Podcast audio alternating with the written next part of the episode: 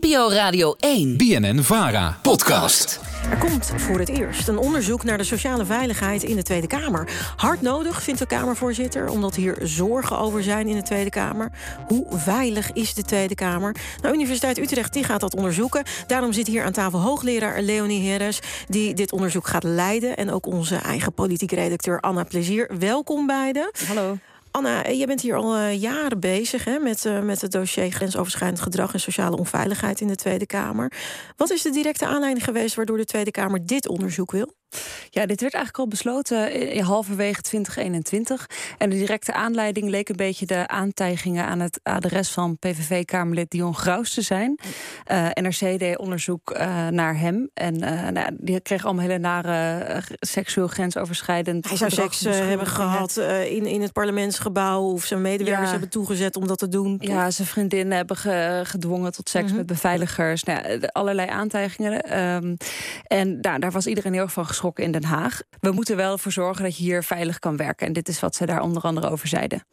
Voorzitter, nog heel even terug over seksuele intimidatie. Seksuele intimidatie. Grensoverschrijdend gedrag, seksueel misbruik. Meldingen van grensoverschrijdend gedrag. Ik wil het ook graag over uh, onveiligheid hebben. Wij zijn hier als Tweede Kamer een soort van verzamelgebouw van verschillende werkgevers die fracties zijn. Gezamenlijke verantwoordelijkheid om ervoor te zorgen dat er een veilige werkomgeving uh, is. Oké, okay, duidelijk. Het staat bij hen echt op de agenda. Maar wat kan de voorzitter van de Tweede Kamer hier aan doen? Ja, de voorzitter van de Tweede Kamer kan niet zomaar een uh, Kamerlid wegsturen of zeggen: nou, je wordt hiervan beschuldigd, dus je mag niet meer naar binnen. Of uh, dat is natuurlijk omdat alle, ja, alle Kamerleden zijn volksvertegenwoordigers. Ze mogen daar gewoon zijn. Ze mag ook niet zomaar medewerkers ontslaan uh, waar rare verhalen over rondgaan. Dus, dus die verantwoordelijkheid ligt bij de partijen zelf om dat te regelen? Uh, ja, ja, als het gaat om binnen fracties wel. Ja. Uh, maar het is niet zo dat de Kamervoorzitter, zeg maar, als baas van de Tweede Kamer zomaar alles, uh, alles kan doen. Okay. en daarom heeft de Kamervoorzitter wel gekeken van waar liggen wel mogelijkheden of waar kan ik wel misschien een stap zetten. Dus samen met het presidium heeft zij gekeken van hoe kunnen we de Kamer een veiligere werkplek maken. Ook omdat de Tweede Kamer natuurlijk een voorbeeldfunctie heeft. Dus ook naar buiten toe is het wel belangrijk dat je het daar goed regelt. en dus vorig jaar, juni 2021, liet Bergkamp het volgende weten tijdens een, uh, een meeting. Wat ik ook wil doen, uh, is aanvullend een, een, kwalitatief onderzoek doen naar die sociale veiligheid. Want ik merk dat ik signalen krijg dat als het gaat over die sociale veiligheid en de Kamerorganisatie, dat er toch structureel uh, toch te veel signalen zijn dat er zorgen zijn over die sociale veiligheid. Oké, okay, sociale veiligheid. Ze gaat kwalitatief uh, onderzoek doen. Uh, maar het populaire woord MeToo, dat gebruiken we tegenwoordig overal voor. Wat, wat eigenlijk seksueel grensoverschrijdend gedrag. Gaat dat echt alleen maar daarover? Nee, nee, nee. Het is uh, breder dan dat. Ik denk wel dat die MeToo-achtige uh, ja, meldingen, dingen die het nieuws zijn geweest, wel een aanleiding zijn geweest. Mm -hmm. Maar het gaat over de sociale veiligheid in het algemeen. Dus dat kan ook racisme zijn, pesten. Het gaat om een, een veilig werkklimaat. Dus ondanks dat het ja, hè, ook in dit wat we net hoorden, fragment heel erg ging over seksueel grensoverschrijdend gedrag. Dat is natuurlijk ook onderdeel daarvan. Mm -hmm. Maar dat is het niet alleen. Het gaat dus echt over grensoverschrijdend gedrag in ja. het algemeen. Ja. Oké, okay. nou dat, dat gaat dus uh, over de Tweede Kamer. iedereen in de Tweede Kamer uh, wordt onderzocht? Of uh, zijn het alleen de Tweede Kamerleden? Hoe moet ik dat zien? Ja, alle Kamerbewoners, zoals we dat noemen, die mogen okay, meedoen ja. met het onderzoek. Uh, dat zijn parlementariërs, fractiemedewerkers, ambtenaren, boden, griffiemedewerkers. Eigenlijk iedereen die daar, die daar werkt, die mag meedoen met het onderzoek. Mm. En ook oud-Kamerbewoners die tot maximaal vijf jaar terug zijn vertrokken... die kunnen zich ook nog aanmelden voor het onderzoek. Ze hebben ook allemaal mail gekregen trouwens van de, van de Kamervoorzitter... Uh, ja, waarin ook opgeroepen wordt, of ook wordt verteld van dit, dit gaat er gebeuren... en, ja. en je kan er ja. dus aan meedoen. Ik ben wel heel, heel benieuwd natuurlijk naar hoe dat onderzoek er dan precies uit gaat zien. En je zegt uh, met nadruk mogen meedoen. Ik ben ik wel benieuwd naar of dat ook ergens verplicht wordt. Hoogleraar Leonie Herres, uh, u gaat dit onderzoek naar de sociale veiligheid in de Tweede Kamer leiden. Laten we even beginnen bij de term sociale veiligheid. Wat is dat? Ja, bij sociale veiligheid uh, moet je eraan denken dat mensen beschermd zijn en zich ook beschermd voelen tegen mm -hmm. het ongewenst gedrag van anderen. En dat ze zich vrij voelen om zich te uiten, zichzelf te zijn, dingen bespreekbaar te maken. Ook als dat bijvoorbeeld gevoelig ligt. Dus denk aan uh, het bespreekbaar maken van fouten of een andere mening hebben.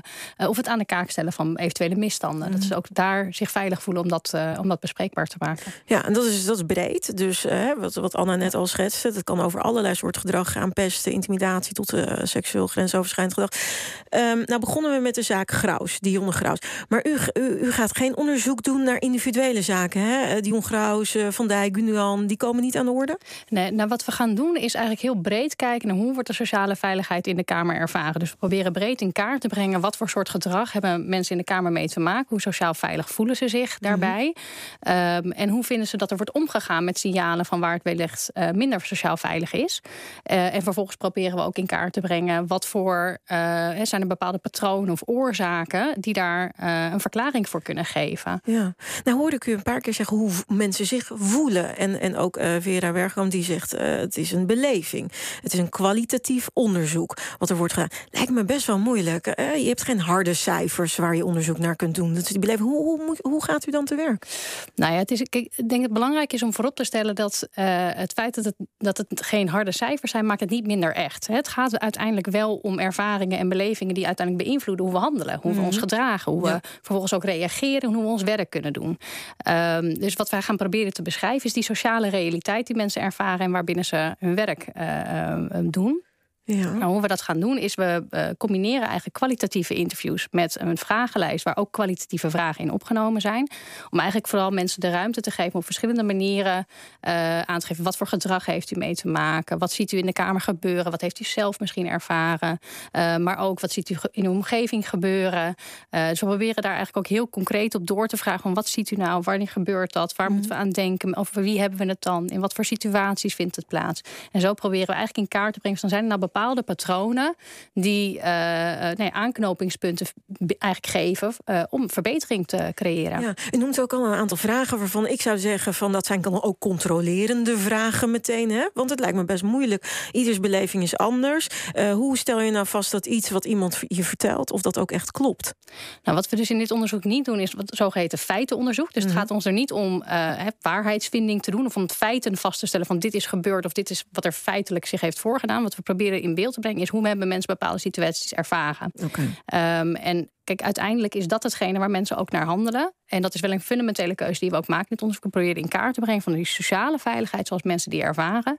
En vervolgens dat ook uh, uh, aan te pakken voor wat, ja, hoe gaan mensen daar dan mee om en hoe, wordt daar, uh, hoe kun je daar verbeteringen in aanbrengen. En nou zei Anna net, want dat zei je Anna van ja, mensen mogen meedoen. Hè? Dus de, de bewoners van de Tweede Kamer mogen meedoen. Het is dus niet verplicht om mee te doen? Nee, zeker niet. Ik denk dat dat ook heel belangrijk is om te benadrukken. Het is een gevoelig onderwerp en mensen moeten daar wel zich vrij en veilig bij voelen om daar naar hun behoren, hun believen aan mee te doen. Hè. Dus als je dat verplicht gaat stellen, dan gaat dat wat mij betreft ook in tegen juist die sociale veiligheid. Nog even los van het feit dat je dat ook niet kunt doen, verplicht stellen, denk ik. Uh, moet je dat ook zeker niet willen. Want dat gaat juist in tegen datgene wat je probeert te bereiken. De, de sociale veiligheid. Oké, goed. Wat gaat er uiteindelijk met die uitkomsten, met de uitkomsten gebeuren van dit onderzoek? Uh, wat wij in ieder geval gaan doen, is proberen zo concreet mogelijke aanbevelingen te formuleren. Dus we proberen aanbevelingen te doen, bijvoorbeeld in hoe de meldstructuur is ingericht, hoe het leiderschap is opgesteld. maar ook zijn er bepaalde kwetsbare groepen waar extra aandacht uh, voor nodig is, of bepaalde situaties die extra sociale onveiligheid opleveren. Uh, als we dat tegenkomen in de, in de bevindingen, dan gaan we daar aanbevelingen op proberen te formuleren die kunnen helpen die sociale veiligheid te verbeteren. Ja. En vervolgens is het aan de Kamer. En dan is het aan de Kamer om het, om het ook uit te gaan vervoeren, aanbevelingen. En ik kijk naar jou, Anna. Want jij je, je, werkt als onderzoeksjournalist ook als controlerende macht natuurlijk. Mm -hmm. Toch? Dus als je dan hoort aanbevelingen, dit zou dan de uitkomst kunnen zijn, dat schept voor jou ook wel weer perspectief, of niet? Ja, nou, het is ook als onderzoeksjournalist, uh, wat we net ook even noemden, die cijfers. Het is soms makkelijker om een paar begrotingen of resultatenrekeningen naast elkaar te leggen. Ja. Uh, maar dit is ook een onderwerp wat soms nog vrij nieuw is. Het, is niet, uh, ja, het, is, het, speelt nu een paar jaar dat sociale veiligheid weer wat hoger op de agenda staat. Dat dat een, een issue is in de Tweede Kamer. Mm -hmm. Dus het is dan ook fijn om een soort leidraad te hebben. Of dan dat je ook mensen er een beetje aan kan houden. Dat je zegt, nou ja, dit is dus een conclusie van een heel belangrijk onderzoek. Wat heeft er ermee gedaan? Of wat gaat er mee gebeuren? Of dus het, het geeft wel weer iets meer handvatten, om het zo te zeggen. Om uh, ja, ook in mijn geval het onderzoek weer verder op te pakken in dit toch wel wat nieuwere veld. Een stok achter de deur, hartstikke goed. Uh, politiek redacteur Anna Plezier, dankjewel. En uiteraard ook hoogleraar en onderzoeksleider Leonie Herres van de Universiteit Utrecht. Dank u wel. NPO Radio 1. Natasha Gibbs, de Nieuwsbv.